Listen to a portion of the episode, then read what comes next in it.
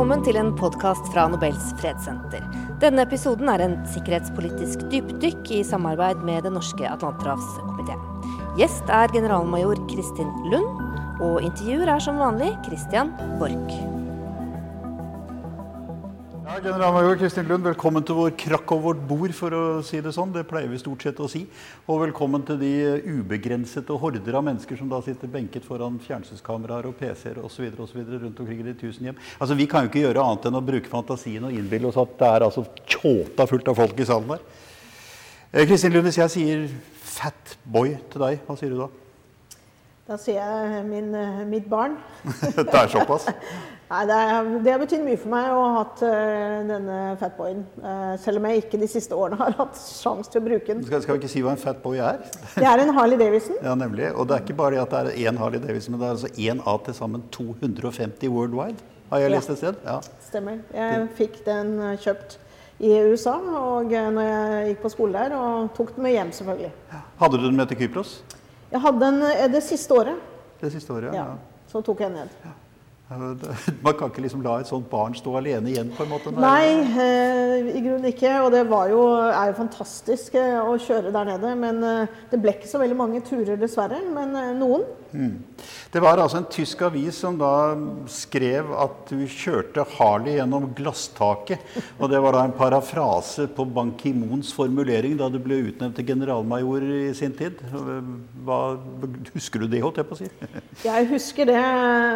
Det som var spesielt når, når Ban Ki-moon altså, For første gang så var det vel en av de få gangene hvor FN tar den kandidaten over øh, når det var også en pressekonferanse hvor dette skulle annonseres. Mm. Mye tidligere enn normalt. Mm. Eh, så han sa jo liksom Så det, man ble jo litt sånn perpleks, fordi at man får jo aldri vite hva generalsekretæren sier på forhånd. Nei.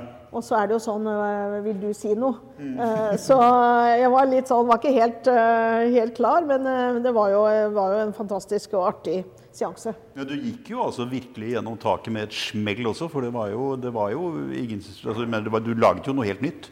Ja, og jeg tror det han, Det var jo han som liksom startet opp, eh, og så har jo nåværende generalsekretær fortsatt. Men mm. Eh, det, var, det, var, liksom starten for den for si, vil jeg si, kvinnesatsingen som egentlig eh, kom og ble mye mer synlig i FN.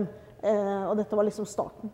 I, år er det altså, I oktober i år er det 20 år siden da det som heter FN-resolusjon 1325 ble underskrevet. og Det eh, handler jo altså da om kvinner, fred og sikkerhet med det mål å øke representasjonen av kvinner på alle mulige beslutningsnivåer. og Det er første gang i historien at Sikkerhetsrådet spesifikt har nevnt kvinner i en sånn situasjon som dette. Så, hva har det betydd? Altså, jeg mener, hva har den resolusjonen ført til, og, og hvordan har det manifestert seg at, eh, at den er vedtatt og fulgt? Det bare at man har fått denne resolusjonen, har gjort at uh, Sikkerhetsrådet har skjønt at uh, konflikt, krig og sikkerhet uh, oppfattes forskjellig. Altså det påvirker kvinner og barn forskjellig i forhold til, til menn. Så bare det i seg selv er en, en seier. Men, men, du kan jo også si at det har jo tatt veldig lang tid for at nasjonen har reagert, selv om veldig de fleste av dem har jo Eh, for å si, eh, støttet resolusjonen, mm. så har det tatt lang tid. Det er jo langt igjen. Er, det er 20 år. Mm. Um, og Norge er vel på sin tredje eller fjerde handlingsplan. Mm. Så, så, men det var jo starten. og Eh, og, og, det var jo en god start. Absolutt. Men kan man si noen ting om erfaringene? Altså Er det noe som antyder at de intensjonene som ligger under denne resolusjonen, har manifestert seg i, i, i faktiske tradisjoner eller i måter å takle problemet på? Ja, jeg tror fordi at denne ga jo liksom grunnlaget til veldig mye av det som gjøres nå i, i forskjellige organisasjoner, spesielt innad i FN. Mm. Med hvor altså eh, jeg, for eksempel, når jeg var eh, altså, nå sjef da i Midtøsten, hadde altså klare mål om 50 mm. kvinner i min stab. Mm. Jeg ble målt på det av generalsekretæren. Ja, ja. Så, så, eh, så det, det, har jo kommet eh, mye lenger, og, og, man har jo klart å få uh, parity, som det heter, altså 50-50 uh, mm. i hovedkvarterene, i ledergruppene osv. Eh, og det er jo bare fordi at man har satt det høyt opp på agendaen. Og det var jo det som liksom Når du har en resolusjon, mm. så har du, du, har, du har noe du kan bruke i, i bakhånd. Mm. Eh, så det var mye lettere for oss som har liksom jobbet for dette for å si hele livet. Mm. Plutselig så hadde vi noe der som eh, Sikkerhetsrådet hadde kommet med. Men har det da betydd noe at du har sittet i en så fremskutt posisjon med en skarp militær utdannelse og skarp militær praksis? Altså Du har jo da alt det en mannlig general må ha for å bli general, for å si det sånn. Men ja. i tillegg til det er du altså kvinne. Og er den kombinasjonen av de elementene da noe som har gitt deg en, en evne til liksom å slå igjennom disse synspunktene, så det merkes? Ja, jeg, jeg, prøver jo det man kan. Men det er jo sånn også når du har hatt et langt liv i et mannsdominert yrke, mm. så ser du jo det at det er ofte sånn at menn snakker bedre til menn, og kvinner snakker bedre til kvinner. Mm. Så det er liksom det som jeg uh, sier når jeg er i, i, situasjoner, er jo dette her med, med, team. Altså at du må ha både kvinner og menn i ledergrupper for at du skal faktisk kunne nå ut til en hel uh, For å si om det være seg en, en, eh, et, en nasjon eller eller en organisasjon eller de du jobber med, mm. så må du ha begge. Og det er de egenskapene som begge eh, representerer, som er bra. Det du kan si er at det har en god start, men det er langt igjen? for å si det sånn? Ja, absolutt. Og, og jeg ser jo eh, Jeg hadde ikke fått en misjon nummer to hvis jeg ikke hadde gjort det ganske bra i misjon nummer én. Eh, så, så, du kan jo si eh, Det å få en kvinnelig sjef tror jeg ofte er at fordi at veldig mange på lavere nivå i FN-systemet er kvinner, eh, eh, nasjonalt ansatte. Plutselig så hadde jeg en, en kvinne, en rollemodell, eh, og en da fordi at man har selv vært på de lavere nivåene, så har man kanskje en tendens til å se mennesker. Det velger jeg å tro at det er noen av de gode egenskapene vi har, at vi kan se mennesker. Eh, ofte bedre enn menn. Og vi har også, pga. at vi har den måten å uttrykke oss på, muligheten for å klappe folk på skulderen og, og slike ting. Det tør ikke altså, Det er ikke så mange menn som gjør det. Eh, eh og, og, viser eh, si at man setter pris på andre mennesker. Jeg, har lyst til å vende litt tilbake til den dagens aktuelle situasjonen vi har i dag. Altså Forsvaret er jo en institusjon i samfunnet, en, en, altså en vesentlig del av samfunnet, som alltid må forberede seg på worst case scenario. Altså alltid være forberedt på at det verste kan skje. Eh, du har altså bakgrunn fra transport og logistikk. Ut fra dine vurderinger og ditt syn, hva vil du si om måten det sivile samfunn har eh, satt seg selv i stand til å takle den situasjonen vi har kommet opp i nå? Jeg syns det er gjort veldig mye bra. Og man ser jo viktigheten av at si, ledelsen eh, i landet er, er, tydelig og synlig. Eh, for det trenger man eh, trenger folk i sånne situasjoner. Det, nå snakker du om dette landet? Nå snakker jeg om dette landet, mm. men jeg, jeg, tenker også generelt. Mm. Eh, i, uh, hvor det blir uh, sånne pandemier, epidemier, at man er klar. Fordi mm. at usikkerhet det er jo det som råder veldig ofte ute i konfliktområder. Mm, mm. Og det er klart at uh, For å prøve å, å gjøre mindre usikkerhet, uh, så må man også ha klare planer og Eh, dette med trening, øving. Eh, men så vet vi også da at veldig mange organisasjoner, eh, også, også FN, må jo også slanke seg. Og så har man også en minimums antall mennesker ansatt. Og det er klart mm. at én person dyp mm. da og den personen blir syk, mm. så er det altså ingen andre der. Så, mm. er, så, så noe av disse tingene har vi jo nå sett, syns jeg, og har sett også i andre tilfeller, mm. ebola. Mm. Um, og da, da, blir det veldig vanskelig. Uh, man er ikke godt nok rustet til sånne epidemier eller pandemier. Altså et, hvis et militært angrep skjer, så har man stort sett en varslingstid. Man ser en konfliktsituasjon som utvikler seg, man ser en opprustning hos en potensiell fiende osv. Men pandemier er, oppfører seg ikke helt så, sånn som de bør. på en måte, Så det er vel da faktisk slik at man burde gått lenger i retning av å være forberedt på en sånn situasjon. For vi vet jo at det kommer. Ikke sant. Ja. Og dette her er altså ikke siste gang. Eh, vi har jo som sagt, Det har jo vært mange, selv om det er enkelte av disse pandemiene som ikke er nådd Europa og mm. vår del av, av verden. Så jeg tror det at eh, som også har blitt sagt i, eh, av myndighetene, at det er jo liksom når vi får gjort opp boet nå etter denne pandemien, så man må få se hvor er svakhetene hen og osv. Det, er det er for tidlig å si nå at dette var ikke bra nok. Um, og, og, men det er helt klart at man kan alltid bli bedre på mange ting. Man kan jo det. Ja.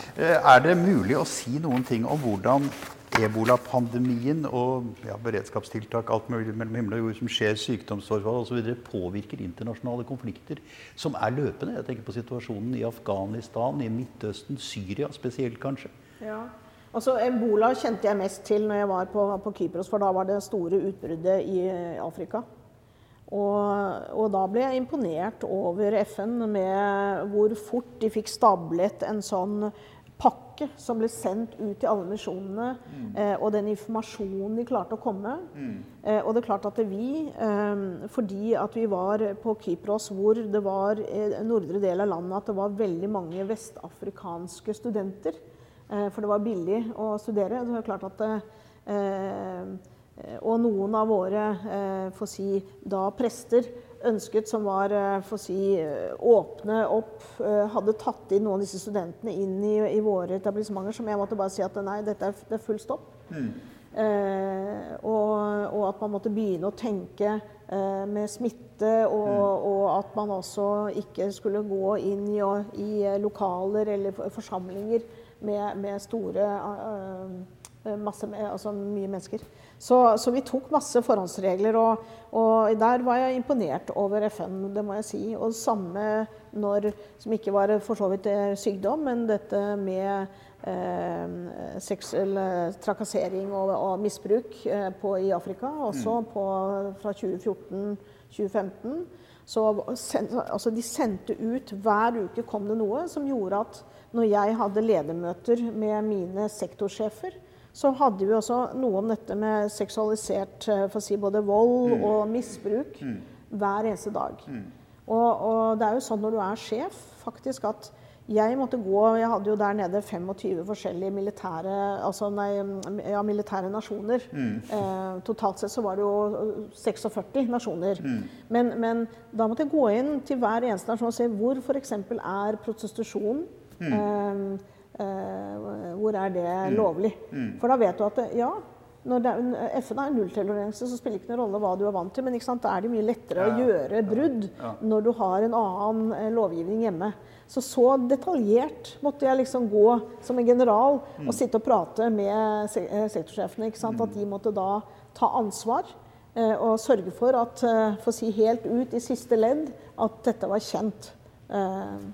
Det er sider ved dette offisersyrket som kanskje ikke alle er klar over. Det høres ganske diversifisert ut når du forteller om det på den måten der. altså Det er jo litt av hvert. Ja, men det er jo det, men det, er det som jeg syns har vært så fantastisk. Ja. For du har det hele spekteret fra å jobbe på de strategiske eh, nivået, holdt jeg på å si, og så blir du helt med på det eh, taktiske. Ja. Eh, og det er det som er litt fascinerende noen ganger, da. La oss gå til en av de store konfliktene som, som, går rundt oss hele dagen, og som du har vært tett innpå i den forstand at du altså satt som sjef for UNTSO, som altså da er FNs eh, observatører i, i Midtøsten, med, med, godt plassert i Jerusalem, i den gamle britiske uh, representantens villa, så vidt jeg forsto. Ja. Altså jeg, ikke, jeg, jeg kan ikke la være å spørre, men er det riktig at du hadde med deg en sekk poteter hjemmefra? Det stemmer. Eh, det er sånn når du er når ting rundt Er det vanlig at generaler pleier å reise rundt med en egen sekk poteter? Nei, e, egentlig ikke. Eh, I hvert fall ikke til Midtøsten. På Kypros så fikk jeg faktisk sende, for da fikk vi julemat. Veldig stas. Det fikk vi ikke ned der. Men jeg hadde med meg noen en, en, en, en, eh, hjem fra når jeg hadde vært før jul på, på, på ferie, eller på liv, da, som vi kaller det. Mm. Og det er liksom å se dette her med at ting spirer og gror. Så jeg hadde tre høstinger på et år eh, da på verandaen min. Mm. Eh, og det når, du, når, det er mye tungt rundt det, mm. det å kunne se at du får til noe, og noe spirer og gror, som sagt. Jeg hadde tilsvarende på Kypros kjøkkenhage. Mm. Fantastisk utrolig avslappende å drive og rote litt i jorden. Godt å høre, for det må jo ha vært en relativt barsk oppgave. Og situasjonen er jo ikke spesielt lovende med hensyn til en løsning, en tostatsløsning, som har vært liksom intensjonen, i hvert fall fra Oslo-avtalen osv. Hvordan ser du på konflikten, for å stille deg et åpent og Den er jo kompleks, eh, absolutt. Men det eh, Og så er det jo eh, du kommer så nærme innpå mange forskjellige av de menneskene som er der. Mm. Eh, både av, av, av, jøder, palestinere. Eh, og når du liksom snakker med mange av dem, så, så nevner du at ja, vi har jo levd egentlig side om side i så mange år hvor det har liksom gått greit, og så er det altså politikerne som ødelegger det. Eh, så, så, du får det veldig. Og det er klart at eh, det som møtte oss for den andre delen av jobben min der nede, det var jo å dra rundt i hele regionen, i de fem landene Egypt, eh, Libanon, Syria, eh, Jordan og Israel. Og, og få et regionalt perspektiv. Altså hva hva, hvilken influens hadde det i Syria eller Libanon når Netanyahu ville eh, diktere disse eh, eh, okkuperte områdene Mm, på Vestbredden. Så klart at det, det var noen ting som vi møtte hele tiden, så du, du måtte liksom forholde deg til det. Men du, eh, det som var viktig for meg, var jo også å være upartisk. Eh, ikke være nøytral, men og, og, og det var jo vanskelig når du var i Israel, fordi at de de handler jo mot, og du skal jo representere FN, så du må jo forfekte Eller du må jo fortelle også hva som er FNs, at dette her er i henhold til internasjonal eh, lov eh, ikke riktig med eh, okkupasjon av, eh, av Vestbredden. Men, men hvis jeg nå spør deg direkte, hva mener du om Netanyahus erklærte vilje til en gang for alle å annektere Vestbredden? Jeg tror da at eh, første tostatsløsningen eh, går. eh, og da tror jeg heller ikke Og han vil jo ikke heller gi statsborgerskap til palestinerne, så da er det jo apartheid, kanskje. Du får i hvert fall ikke noe demokrati. Så, så det er jo et kjempedilemma, men nå kan de, de styre som de vil fordi at ikke palestinerne er ens. ikke sant? De er splittet, og det er den største utfordringen. Det sier jo til og med palestinerne selv. Når du snakker med de vanlige eh, palestinerne, så er de jo ganske fortvila fordi at eh, man ikke står sammen. Og det så jo vi veldig godt, og det er jo, eh, er jo leit. Og jeg, og jeg liksom eh, det er jo plass til alle der nede. Det er mye plass. Så, så, så det, er, det er eh, Men det er så komplekst, for det eh, Man skulle jo tro liksom at eh, Men når det ikke, ikke sant, det, er ikke like forhandlingspartnere. Eh, og, og, eh, og når Netanyahu har eh, presidenten, USAs president i ryggen, så, eh, så gjør man mye. Altså bare alt det som skjedde eh, når vi var rundt, bare flyttingen av ambassaden. Eh, det er blitt ganske mange som måtte dø pga. det. Um, og det er jo sånne ting du, du får liksom rett. Så du, Hvil- Hvilken spillovereffekt vil dette få? Hvilken, hvilken betydning vil det få for forholdet mellom den muslimske verden og Vesten eh, generelt? Altså, eh, de, de, jeg tror nok de føler at de eh, ikke får den støtten og hjelpen, for det er liksom ikke noe forhandling. Det er jo liksom At palestinerne ikke får den støtten? Ja, ja at ikke de får noe, noe, noe støtte. Eh, og, og det er klart at eh, det er jo liksom ingen, ingen Altså den fredsplanen som da én nasjon har kommet og lagt frem, er jo ikke hva resten av verden Så de føler seg, tror jeg, ganske hjelpeløse. Eh, og, og det, eh, det ser du vel også mange liksom De er sånn eh, De prøver å tilpasse seg. Eh, men, men eh, ja. Det blir vanskeligere og Det blir vanskeligere og vanskeligere, og det blir mer og mer vold. Eh, og, og det er liksom ikke rart da når du endelig kommer ut av Gaza, så det første du gjør, er da prøve å stikke eh, en eh, politi eller en soldat eller uh, osv. Nei, ja, det gjør noe noen med menneskene. Eh, altså, jeg har lyst til å komme tilbake til din egen karriere og hvordan du i har, si, har endt i denne posisjonen. For det er jo litt av en Ja. historie, dette. Altså, du begynner i HV som ganske ung frivillig. Du går på befalsskolen transport og logistikk. Ja. Det er jo også da ikke-stridende i den forstand, så vidt jeg vet. Men du ender altså opp bak et maskingevær på en lastebil i Unifil-styrken i Libanon etc. Ja. Og siden går det slag i slag.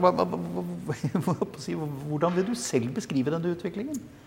Det er Hva, hva, eller for å si det på en annen måte, Da du begynte i HV, bestemte du deg da for at du skulle bli generalmajor? når Nei, du gjorde nei, ikke det? nei okay. det gjorde jeg ikke.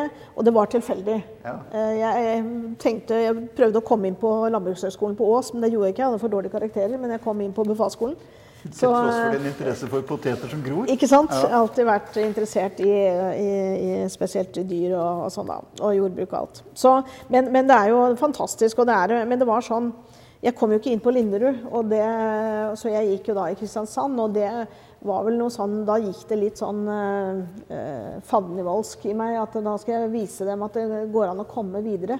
Eh, uten å liksom ha gått på Linderud. Mm -hmm. og, og, så da var jeg liksom Bet jeg tennene sammen. Og så var det jo det at jeg, eh, i og med at jeg ikke eh, hadde noe barn, så var det jo sånn ofte at eh, folk ville jo ikke til Nord-Norge i gamle dager. Mm. Eh, og da var jeg liksom Jeg kan dra. Mm. Så plutselig så, så, så jeg jo da dette her med å eh, å ta enkelte stillinger som gjorde at du fikk litt bredde. Mm. Eh, og, og, fikk liksom tikket av de forskjellige tingene man skulle, da. Og, og, det har jeg vel lært meg sånn uh, å tenke to step opp. Mm. Uh, men jeg hadde, målet mitt var egentlig å bli oberst. Og så plutselig, så, plutselig så ble jeg oberst, og, så, og, da gikk liksom litt sånn luften ut av ballongen. Da, og da kom jeg liksom tilbake fra Afghanistan og sånn og hjem og, og tenkte OK, nå må jeg sette meg nye mål. Mm. Og da gjorde jeg det. Altså, jeg har hatt mye gode mm, støttespillere eh, som har fremsnakket meg og kommet med liksom, nå bør du ja, altså, en ting er at du ikke kommer på Landbrukshøgskolen på Ås, og det er jo selvfølgelig trist og leit hvis det ikke var gode karakterer, men du går jo altså bort og tar altså en, et mastergradsstudium på det som heter Army War College, og blir en av de fem beste. Mm. Og det er ikke småtterier når du vet uh, hvor mange du konkurrerer med. Så jeg mener den akademiske siden av dette her har jo også da ivaretatt relativt uh, solid. Ja, jeg er nok en late bloomer, da. For jeg, jeg etter at jeg uh, Før dette her og etter for å si, eh, krigsskole og sånn, så gikk jeg også på distriktshøyskole.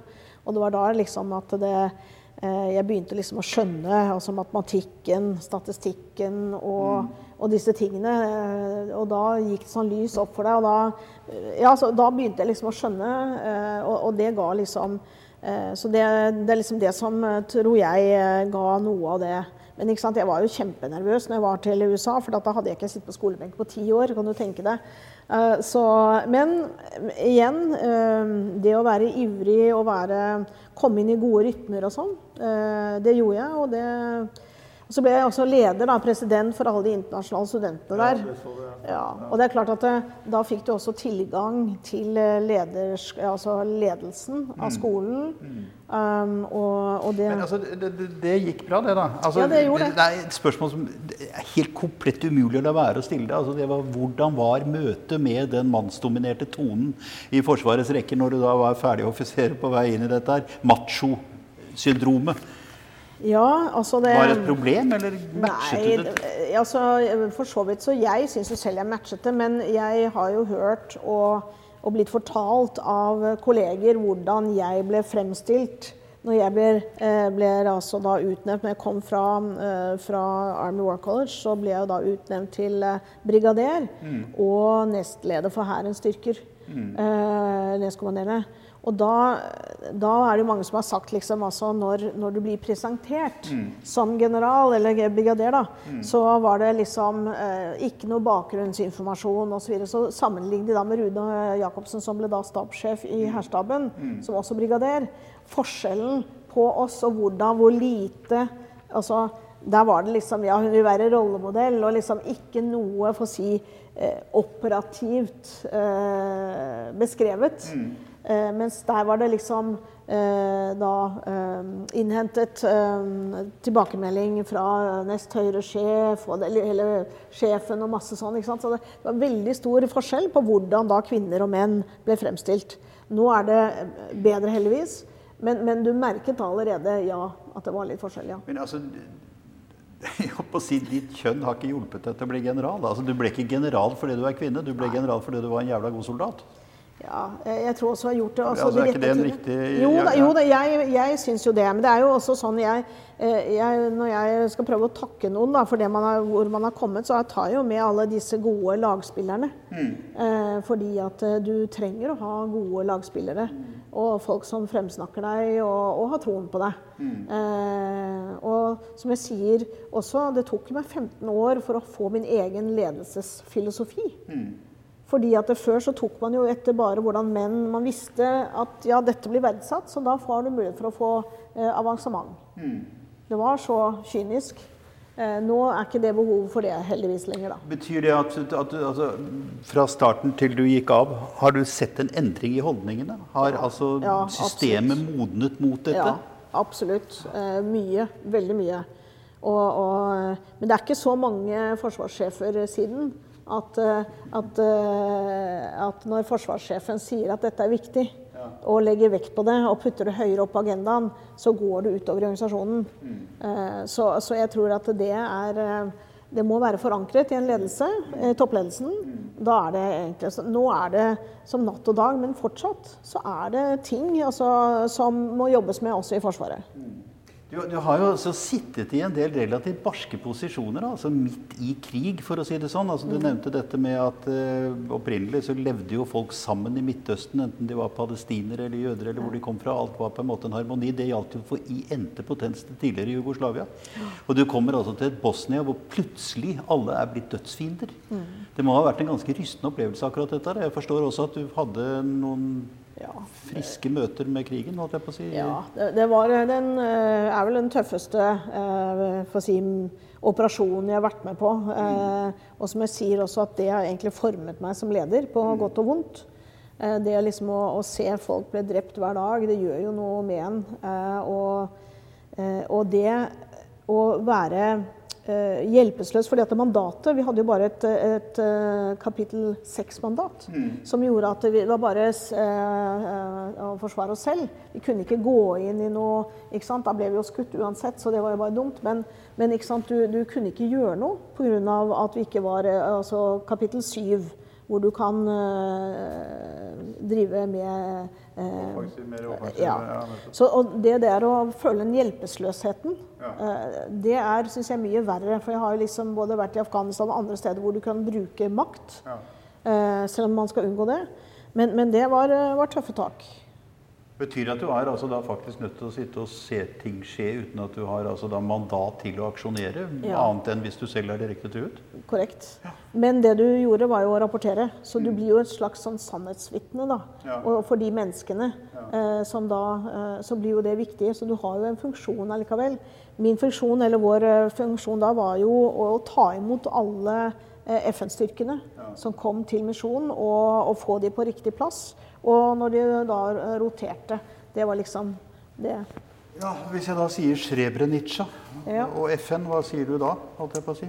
Tragisk. For der var det jo, det var jo altså en FN-garantert uh, historie. Ja. Det var disse safe haven, som de het. Ja. Og, og det var uh, kjempetragisk. Og det eh, Det er jo eh, lett å være etterpåklok og alt det der, og det er jo skrevet eh, tjukk bok. og Jeg, eh, jeg jobbet jo i Nederland, eller for Nato, den, når den si, rapporten fra Nederland om Nederlands innsats kom ut. Og den var jo, det var jo mye ting som gikk feil, og, og selvfølgelig mye pek på også på FN. Vel også at strukturen på den, Strukturen. eh, På, på den jobben eh, Ja. Nederland fikk i dette her, var ganske komplisert. Det, det var, altså hele, hele Balkan var jo liksom Det var jo liksom eh, forholdsvis nylig etter at, eh, at FN-styrkene hadde fått Nobels fredspris. Ja. I 86, og man trodde jo liksom at, at FN var svaret på alt. Ja, og så ga man altså ikke bra nok mandat. Så jeg tror eh, det var en, en, en kjempe eh, trist affære. Og det var, vi merker, hvordan vi merket det selv, var jo det at eh, vi skulle jo ta imot eh, fartøy, tog, fly med styrker fra for å si, hele verden. Og da var det jo noen afrikanske, eller et afrikansk land som eh, skulle ha eh, bare som et eksempel, to dager, nei, to måneder skal du være altså selvforsynt før FN-systemet kommer opp og går.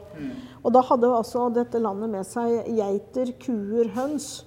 Eh, og det sa vi at nei, det kan dere ikke ha med. Det, og, og liksom da få tak i noen uh, på dagen eller morgen i New York, det var jo ikke det. Så det var jo som et resultat, for vi ringte jo hele tiden og sa at dere må, dere må stoppe. Uh, dette, vi kan altså ikke ta imot. Niste- Nistematen var ute og gresset før den ble Ikke sant? Ikke sant? Og det ledet jo til det for å si, operasjonssenteret som, og disse deskene som FN har i dag. Det var jo som et resultat av Balkan. Eh, Er, er FN eh, godt nok utstyrt? Altså Burde FN hatt en sterkere Forsvarets overkommandolignende organisasjon i sin midte som kunne være mer operativ? Altså, du kan si Det nå, eh, det er jo litt sånn som Nato. ikke sant? Altså man, det er jo en politisk avgjørelse, og det treffes av et sikkerhetsråd. Men så er det da det apparatet som skal rundt. Nå kan du si at Den militære delen av FN er jo ikke blitt omorganisert enda. Det er jo liksom alle de andre avdelingene nå blitt etter Guterres kom. Så det er klart at jeg tror nok at man kan gjøre det litt bedre. Og så er det jo sånn da i et FN-system at alle nasjoner skal være representert. og eh, det er ikke alltid at eh, de skarpeste knivene i skuffen er kanskje de som, eh, som er der, da. Nei. Man, man, man, blir diplomat, hører jeg, av å være offiser i FN-systemet? ja, altså det er jeg, jeg syns jeg var ganske skarp nå da jeg sa såpass direkte, men, men sånn er det. Ja. Eh, ikke sant? At du får eh, folk som blir kastet inn i en jobb, som eh, kanskje verken har erfaring Eh, på internasjonalt samarbeid i det hele tatt. Altså, du, du, har jo også vært i, du har deltatt i Desert Storm, altså den første mm. Gulfkrigen, eh, ja. som da ikke, ikke, tok knekken på Saddam Hussein, til tross for at det var nære på, for å si det sånn. Og du har altså sittet i ISAF-styrken, altså Nato-styrken i, i Afghanistan. Det er jo politikerbestemte krigshandlinger, dette. Altså Når du har sittet og sett dette på nært hold og ser hva krig gjør med mennesker, ser du en fare for at politikere som tar beslutningene om å bruke militærapparatet, ikke helt vet hva de gjør? Det er jo det som er eh, noen ganger vårt dilemma, som er der ute i felten. Å få dem til å forstå hva eh, Eller konsekvensene av de eh, avgjørelsene de tar. Det å, så, så det, det, er jo viktig. Nå syns jeg jo at eh, våre politikere og, og, med forsvarssjef og sånn har en god dialog. Og jeg har jo selv vært i Forsvarets ledelse, så, så, jeg syns jo at det, eh, det, har fungert veldig bra.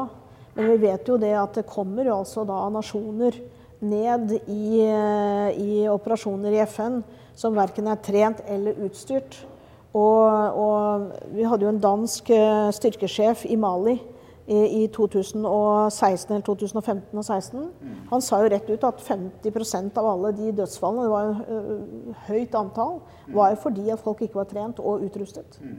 Og der tar altså eh, si, politikerne avgjørelser og sende folk i døden. Jeg satt sammen med en tidligere generalsekretær i Nato den dagen Nato lanserte sitt første militære angrep i historien, altså i mars 1999, da fly angrep Serbia. Og han var altså rystet i sin sjels innerste over hva politikere som ikke hadde gjort militærtjeneste og ikke opplevd noen krig, var i stand til å foreta seg. Mm. Virkelig. Altså Det var en ganske sterk historie, og han hadde vel et poeng? Ja, altså det er eh, Som sagt, når du er på bakken eh, og, og og så er det jo det som er liksom tidligere altså Jeg tror veldig mange tror kanskje litt at i, i, gamle dager så var det sånn når vi øvde ikke sant, og drev med eh, simulert angrep og sånne ting, så var det jo ikke noen mennesker. Det var ikke noen sivilbefolkning. Mm. Men nå er de jo overalt. De ikke, mange av dem har jo ikke noe sted å gå. Mm. Eh, og det er jo klart at eh, dette med, med, med da eh, fare for å, ta eh, liv av sivile. Du ser at det, blir jo, det er færre soldater som dør. Det er mye flere sivile som dør enn folk i uniform. Og det er jo også en, en, en tendens som man har sett, dessverre. Eh. Men du har vel altså også i Afghanistan sett den situasjonen at det er en såkalt asymmetrisk krigføring. I den mm. forstand at det er altså mennesker med totalt forskjellig oppfatning om krig, krigens moral osv. som kjemper ja. mot hverandre. Og det er vel altså vanskelig å ta høyde for i en politisk beslutningsprosess, vil jeg tro. Det var et litt ledende spørsmål akkurat det. Men, eh, det, det, er det. Og, og, det er jo også det som uh, bare den erfaringen fra Midtøsten Også et liv er jo liksom ikke noe verdt. Det, altså det, uh, også hvordan de forskjellige organisasjonene eller nasjonene ser på et liv, er jo helt vidt forskjellig fra det vi gjør. Og det er klart at det, da blir det store forskjeller og, og vanskelig å treffe riktige beslutninger. Altså Alliert innsats i en del konflikter utenfor Natos klassiske område har jo da knoppskutt på en måte i tiden etter at Berlinmuren falt og den kalde mm. krigen var over. Er dette morgendagens mønster? Altså Vil det være nødvendig for Nato-styrker, styrker som er bundet inn i Nato-samarbeidet, å delta ute ja, på det, denne måten? Det tror jeg helt. Eh, for det har jo vist seg eh, både i ISAF i Afghanistan, så mm. klarte jo ikke Nato, når de overtok, å gjøre dette alene. Du var helt avhengig av andre nasjoner til å støtte for å få gjennomført denne operasjonen. Og sånn er det jo i Norge også. Altså, hvis vi tror at det er bare Nato-land som skal komme og hjelpe oss, så tror jeg vi eh, tar feil. og Det er derfor det er så innmari viktig med dette eh, samarbeidet, at Norge deltar internasjonalt. Fordi at eh, For det første så eh, er det jo dette her med å få erfaring med forskjellige kulturer, eh, hvordan folk tenker, eh, verdigrunnlag, ikke minst er kjempeviktig. Så, og jeg må jo si at Eh, det er jo disse, alle disse internasjonale operasjonene som har gitt, skapt meg som en leder. Uh, og, og, ja, selvfølgelig får du ting hjemme, så det er ikke det jeg sier, men, men uh, det er ute du får uh, Du ser altså resultater med en gang av hva du gjør. Altså, litt flåsete spørsmål, kanskje, men, men, du sier at det er det erfaringene utenfra. Men det er vel også det at erfaringene har vært i faktiske krigssituasjoner? Ja. Altså, du har vært i den skarpe enden. Du har hørt kulene suse rundt ørene, for å si det litt ja. cowboyaktig. Ja. Og det for og det, deg Men det her, i vår del av verden så sitter vi stort sett og planlegger for potensielt hypotetisk situasjon. Ja. Det er jo forskjell. Ja. Altså, ja, helt enig. Det er derfor jeg sier liksom at alle offiserer bør ha en deployering ut. Fordi mm. at eh, jeg tror det er viktig at du må eh, kjenne selv på kroppen hvordan reagerer du. Eh, og, og, og, hvordan takler du eh, disse situasjonene? Hvilke krav setter dette da til bevilgningene til Forsvaret? Fordi Poenget er vel det at når du flytter en del skarpe og effektive enheter ut i sånne oppdrag, så svekker du jo, vil jeg tro, tallmessig i hvert fall, slagkraften din på hjemmebane. Og hvis du tenker i artikkel 5-operasjoner, altså dette med, med, solidariteten innad i Nato, én for alle, alle for én osv., så, og så, videre, så er ikke dette et dilemma? Det er alltid et dilemma, og det er jo det som er man må balansere. Eh, hvor mange kan man ha ute eh, for at man ikke skal svekke for å si, den, eh, den, kapasiteten man må ha hjemme. Eh, og, det, og, det, er eh, og det som er synd, er at det er blitt så forferdelig dyrt. Vi har blitt så teknologiske. Som, alt er så, uh, så dyrt, mm. som gjør at vi kan ha altså, mindre elementer ute. Mm. Kontra Jeg har jo selv vært en del av beredskapsorganisasjonen som vi hadde i gamle dager, altså på 70-90-tallet. Da hadde vi jo en beredskapsstyrke for FN på over 2000. Eh, og det var jo vi som ble bedt om kjernen i dette stående. Eh, eh, eller altså stående i den forstand at ja, beredskapen var jo stående. Ja. Eh, og jeg var da, etter at jeg hadde vært i Libanon, eller Unifil, i 86, så ble jeg liksom vervet til å være transportoffiser i det, et sånn eh, sanitetssykehus. Mm -hmm. Og det var denne eh, hovedstammen av det var vi som dro da til Gulfkrigen fordi at man måtte dra fort, og da brukte man så etter 92 så falt dette bort. For vi, vi, har jo brukt, vi brukte jo dette i 78. Det var jo den vi brukte med infanteribataljon, eh, helikoptervingen, Sanitetskompaniet og stabselementer i 78. Så, mm, og så har man liksom hatt denne til nesten 99, var vel det vi hadde den infanteribataljonen. Så vi har liksom ikke kunnet klare noe mer da, ikke sant. Eh, Men har disse dilemmaene vært tilstrekkelig belyst i den offentlige debatt, slik at de har altså fått den politiske hva skal man si, drakraften som man, eh, man forutsetter i et demokrati? Altså Det er jo det at folk vet dette, forstår det, innser det klart som er nødvendig for at politikerne skal kunne ta beslutninger om å øke bevilgninger. Og det forutsetter jo en åpen debatt. Har det ja, vært tilstrekkelig av det? Jeg synes jo, Personlig så syns jeg at den ikke har vært stor nok. fordi at ved å bidra ute, så er det dyrt. Og da må man eventuelt ha noe tilleggs. Men som regel nå så må man ta det innenfor eksisterende budsjett. Mm. Og da blir det vanskelig. Mm. Uh, fordi at det, det, koster såpass mye. Men du ser jo hvor viktig det er nå at vi kunne sende et team til Bergamo. Eh, fra Sivilforsvaret bl.a., eh, som er sånn beredskap. Så det er noe som Norge skaper. Eh, altså Da får du goodwill. Og det er sånn jeg sier at vi må altså kjøpe oss sikkerhet fordi at vi er så små. Så, så jeg syns jo den debatten bør komme eh, opp igjen. Og, og, kanskje nå en tid, nå etter at når vi kommer for si, ovenpå etter denne pandemien, fordi Debatten går jo mye altså, om, sant, om, hvorvidt artikkel 5-operasjonene gir oss den sikkerheten vi tror. Men vi glemmer diskusjonen om artikkel 3, nemlig det å holde sitt eget hus i orden, som en forutsetning for at artikkel 5 skal operere. Ikke sant? Så det er jo et diskusjonstema, dette. Ja, det er masse. Så Men hva, hva, tror du, hva, hva, skjer nå med Nato, da? Altså, jo, det, det, er jo store endringer. altså Den sikkerhetspolitiske situasjonen er i konstant bevegelse. Og den sterke mann i Nato sier jo veldig mye rart som har fått mange mennesker til å føle seg litt underlig til mote på mange måter. Ja. Er vi på vei inn i en, europeisk, en styrking av den europeiske delen av Nato? Jeg tror nok eh, bevisstgjøringen, altså hvis du tenker på 2 %-målet, eh, eh, så har jo det gjort kanskje en, en, litt mer bevisstgjøring av nasjonene, som jeg tror kan være positiv. Men jeg tror alltid når du, skal, når du skal eh, bygge opp, så må det jo dette bero på eh, at du har eh, troen på hverandre. At du har altså at du tror på det du gjør. holdt jeg på å si, At det ikke er som en sånn at liksom, vi har gjort så mye, vi har liksom sponset dere i så mange år. Um, for det er jo ikke sånn nabo, eller altså, gode allierte snakker med hverandre. Og det er jo hele den tonen man har sett nå. Uh, og særlig med, med tanke på at jeg har liksom hatt disse Midtøsten-brillene, hvor, liksom, hvor, du skal skaffe, danne arenaer hvor du kan kommunisere og bygge tillit til hverandre. Sånne ting skaper ikke noe tillit, og det er tillit man må få til hverandre for å kunne bygge opp Eh, tror jeg, i en positiv måte. Men det, altså, det, er jo det militære apparatet som har fått mandat av politikerne til å holde kruttet tørt og forsvarsevnen ved like hele veien bortover. Og det vil vel da kanskje for en legmann være slik at offiserer på et høyt nivå gjør det som gjøres må gjøres, til tross for svingninger i de politiske holdningene til dette? Altså at det er en kontinuitet i dette? Ja, det, det, var jo også da for så vidt et ledende spørsmål. Ja, ja, altså eh, Nå har vi jo akkurat et nytt eh, råd eh, lagt frem eh, til eh, vår politiske ledelse, så får vi jo se. Mm. Eh, men altså, jeg, jeg, jeg syns jo at Det blir jo Det er mange hensyn å ta. Mm. Forsvaret f.eks. For er jo et av verktøyene som en politisk ledelse har.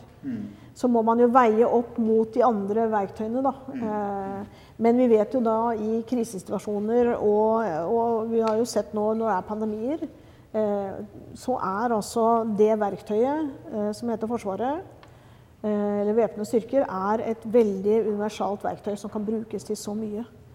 Men det kan ikke bare brukes nasjonalt. Altså, du, må, du, er nødt til å operere i et internasjonalt forband. og Spørsmålet er hvordan den alliansen kommer til å se ut i fremtiden. Vil du personlig tro at du får et sterkere europeisk element i Nato? At det blir en bevegelse hvor man altså, uh, ja, legger tyngden der i stor grad? Altså, du må ha et, et sterkt uh, uh, Europa. Men jeg er litt sånn redd for hvis man bygger opp parallelle strukturer, mm. eh, les eh, EU, eh, Nato, mm. som EU har sin militærkomité, det tror jeg ikke vi har råd til. Eh, da er det jo bedre å pumpe opp eh, de forskjellige stabene i Nato, og så er det noen som er øremerket til hvis noe skulle skje i det europeiske eh, interesseområdet. Vil det være riktig å si at det er en fordel for den tankegangen at Storbritannia forsvinner ut av EU, slik at den militærmakten Storbritannia representerer, da ikke blir en del av det europeiske altså, i hvert fall, ja, ja, det gjør det jo selvfølgelig. Men, det altså. jo det, men, men det blir jo veldig spennende å se ja. om, om, deres påvirkning vil være større nå. Mm. Men ikke sant, alle eh, når man har, Jeg har jobbet mye med, med britiske styrker, og de har jo også vært gjennom en vanvittig eh, endring i sitt mm. eh, forsvar. Eh, og har jo også stått ovenfor en del som veldig mange andre nasjoner har gjort i hele Europa, med å eh, gå igjennom og få fornyelse. De har måttet liksom slå sammen regimenter. ikke sant? Det er jo masse. Mm, mm. Eh, og de er blitt mindre. Eh, så det er jo Det har skjedd noe over hele, hele rekken. og det, eh, man, man, burde jo også se nå eh, med, med, med denne koronapandemien at ja, kanskje når man har en, en, si, en usynlig fiende mm. eh, som kan komme igjen, det kan mm. komme i en annen form neste gang, mm. ja, kanskje man bør begynne nå enda å se på tettere samarbeid Eh, enn det vi har eh, i dag. Mm. Da er jo også det store spørsmålet, og det lyder kanskje litt, litt, flytende, men altså er vi kommet i en situasjon hvor vi ser uventede tendenser i den sikkerhetspolitiske situasjonen rundt oss? Stikkordene her er altså da russernes nye hva skal man si, litt friskere doktrine når det gjelder å, å vise muskler og, og provosere. Det gjelder ikke minst kinesernes ekspansive politikk og interesse for nordområdene spesielt. Den nye Nordøstpassasjen, hele dette opplegget her. Som altså endrer premissene for tenkningen i, i en grad som vi bør ta veldig alvorlig. Absolutt. Og det er det som er eh, Jeg tror alltid for, for Norge så er det det som er dilemmaet mellom for å si, eh, hvilke av forsvarsgrenene skal man satse på. Mm. Er, det, er, det, sjø? Er det luft? Mm. Er det land? Hva, hva liksom Og så er det jo det der med å ha da Og det gjelder jo ikke bare Norge. Det gjelder jo eh, andre nasjoner også, som, som tilstøtende nasjoner. Um, så jeg tror det, det er noe av dilemmaet. Og så syns jeg også at uh, nå har vi jo fått mye mer fokus på nordområdene, mm. som Norge har vært en forkjemper på i mange år uh, for å få det på agendaen også i Nato. Mm. Uh, og, og, så jeg tror at det blir nok noe av utfordringene. blir også nordområdene, tror jeg, da. du ser jo også hva som skjer med naboen. Hva skal du gjøre for noe nå? Men skal du snakke om dette her? Skal du være med i den politiske debatten og bruke de erfaringene du har fra et eh, ganske usedvanlig variert militært liv, holdt jeg på å si? Ja, nå sitter jeg jo på PRIO, altså eh, Fredsforskningssenter. Der er jeg det som kalles for uh, practitioner in residence. Og det vil jo si det er en veldig egentlig fri stilling, men det er jo sånn at jeg har mulighet for å gå og støtte de forskjellige prosjektene eh, forskerprosjektene som pågår. Mm. Eh, de, jo, de, rommer jo også mange masterstudenter og eh, ph.d.-studenter. Mm. Så det er liksom meningen er at jeg skal kunne uh, gi av alle mine erfaringer. Og jeg har jo allerede liksom holdt uh, sånn uh, foredrag og, og, og bidratt. Så så det er kjempefint. Det er fantastisk. Og så får jeg vært med på noen av, av de andre seminarene som er der. Mm. Eh, så får vi se. Eh, det er jo mange som har ønsket at jeg skal skrive litt. Mm. Eh, men vi får nå se. Jeg, jeg, trives godt der og skal være der ut året. Og så får vi se. Jeg har jo også fått Jobber jo litt også på Forsvarets høgskole med å skal undervise. Nå er jo alt liksom blitt forskjøvet pga. korona, så det vil også foregå viralt. Og så er jo også instruktør på FN-kurs, eh, som arrangeres av, av, av, Norge og FN og, og UD. Ja, altså, du, du, sier at mange gjerne mener at du bør skrive. Hva mener du selv om det? Altså, jeg, jeg, vil jo si Ut fra det du har sagt her nå, i det, i det, intervjuet vi har hatt her i de siste tre kvarterene, så bør du jo det. på en måte. Altså, De erfaringene du har med å ha møtt den skarpe enden, at du har vært i faktiske krigssituasjoner, at du har sett mennesker bli drept i krig osv. Og, så mm. og det jeg antar du også har sett, er hva krig gjør med mennesker. Ja. Hvis du tenker på de vitneprovene som kom frem i Haag-domstolen etter Srebrenica-massakren, kan det jo gå kaldt nedover ryggen på deg. For der står jo altså ikke sant, pene, snille lærere, advokater, tannleger, bakere osv. Og, så videre, og, og forteller at de omdannes til dyr av en eller annen psykose som inntreffer. Og alt dette har du sett. Ja, det er, eh, og det er sånne ting som er, er vanskelig å forstå. Eh, men det, igjen, det, det, som jeg sier, som jeg prøver å trekke frem alltid det der med av og til og da å være eh, kvinne, det er at vi har hatt lettere for å sette ord på hva man har sett og, og opplevd. Mm. Som jeg tror har gjort at, eh, at liksom psyken og sånn er også har holdt seg. For det er, det, er, mye elendighet. Og, uh, så det er jo også noe som er positivt med å ha kvinner inn i, i, i Forsvaret. Uh, måtte bare ta den med. Altså, du, du, leser, du, leser, John Irving, og du kjører altså en motorsykkel som da får tankene hen på Easy Rider ikke sant? og Jack Kerouacs romaner og litt av hvert i den stilen der. Altså, ja. Du har et forhold til USA og det amerikanske, på en måte, må man vel kunne si her. Ja. Eh, hvordan vil du da på en måte altså, hvordan syns du om Donald Trumps lederstil, hvis du tenker ham som etterfølger etter uh, George Washington, uh, Abraham Lincoln, uh, Franklin Roosevelt, til dels også Barack Obama? Det er jo veldig langt fra den lederstil de hadde, til dagens. Og det er jo liksom, Jeg begynner å lure på noen ganger om man husker på at, at det var altså Roosevelt som var hovedpersonen bak FN, og mm. den tanken mm. Eh, med at nasjonene må gå sammen. Altså det er ikke bilateralt, eh, mm. men multilateralt. Eh, den er jo helt borte. Så jeg syns det er veldig synd.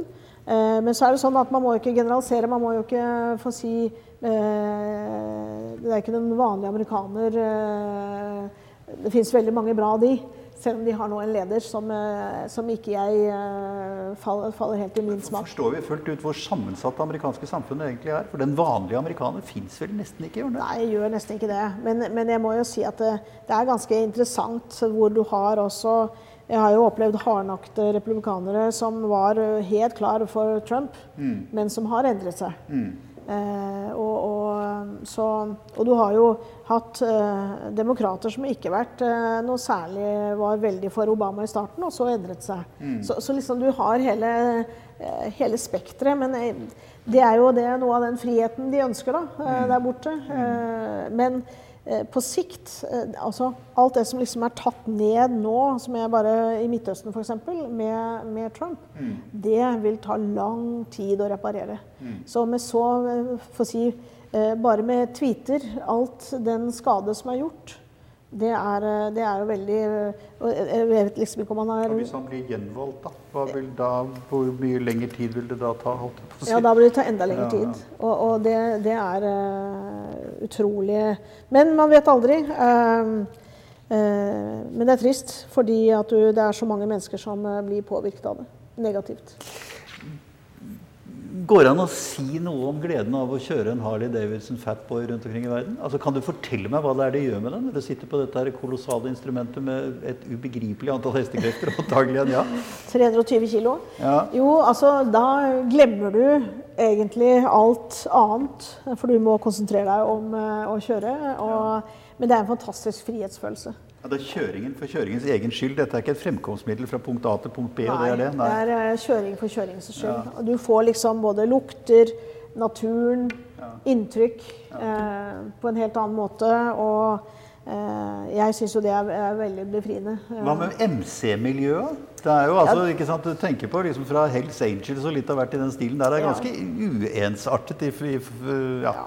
Nå tar vi jo veldig, vi tar jo vi veldig avstand fra Hells Angel, for jeg er den 1 %-klubben. Eh, ja, ja. eh, og, og, så jeg har liksom eh, vært i de hvor som er eh, Harley, mm, eh, Harley Owners Group. Mm som, har, eh, som, er 500 000 eh, mennesker mm. på verdensbasis. Så det er en svær familie og, som har dette med muskelsyke som altså alt overskudd av arrangementet som går til det. Okay. Så det er liksom en sånn uh, fin greie. Så, så det er, men det er det som er så artig da, i denne her, når du er uh, på sykkel eller på tur, ja. så, er du, så er du biker. Du er ikke general. Du er uh, og, og, og, du har hele spekteret fra, uh, fra, folk som er rengjøringsbetjenter, uh, til leger, til piloter, ja. til ja, generaler. som er altså forent i da, denne lidenskapen? Ja, ikke sant. Det er det at du har noe felles. Ja. Men det, det, er altså, ikke sant, det er bikermiljøet er bikermiljøet, men altså Harley Davidson-miljøet er Harley Davidson-miljøet? Ja, det er jo klart. Vi vil ikke ha noe riskokerin, da. Det var det jeg så et eller annet sted. at det, altså, var Et av slagordene var noe sånt som at Harley drivers have more fun than people. Ja. Ikke sant? Det er noe der? ja. Det er, uh... Du er også da anerkjent for å være altså, jeg, Nå siterer jeg dritgod til å lage mat. Uh, kan du på tampen gi oss din beste lammeoppskrift? Vel, jeg bruker jo utrolig mye hvitløk. Eh, ja, eh, og, eh, og, så har jeg Men eh, ja, jeg bruker det. Og så bruker jeg ofte Hvis jeg skal grille eh, låret, eh, så har jeg gjerne sånn Dijon-sennep, som jeg også smører inn når jeg har tatt i sånne fedd inn og, og, og forskjellige krydder. Eh, det hender av og til at jeg tar en time i ovnen først, for at ellers så tar det veldig lang tid på grillen. Mm. Ja, det var det det tror jeg. Ja, så det hender at jeg gjør jukser litt. Men med steketermometer også på eh, grillen? Ja, jeg er ikke alltid det. Jeg er sånn som kjenner ja, eh, okay. og prøver meg frem. Men det går jo an å ta steketermometer. Mm. Det er jo det lureste. Men det er liksom det jeg gjør. Så det er liksom Ja, det må være er, jeg tror det er mange som er gode til å lage lammelår, men jeg elsker jo lam.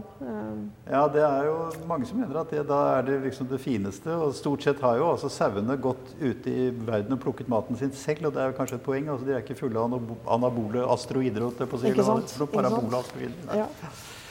Eh, Kristin Lund, Det har vært fantastisk eh, spennende å høre på deg. Og det er veldig morsomt å se hvor eh, enkelt og matter of factly du fremstiller en ganske fargerik og temmelig tøff og i hvert fall svært uvanlig karriere.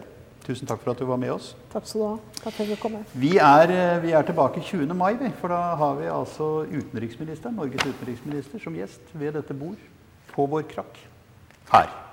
Takk for nå.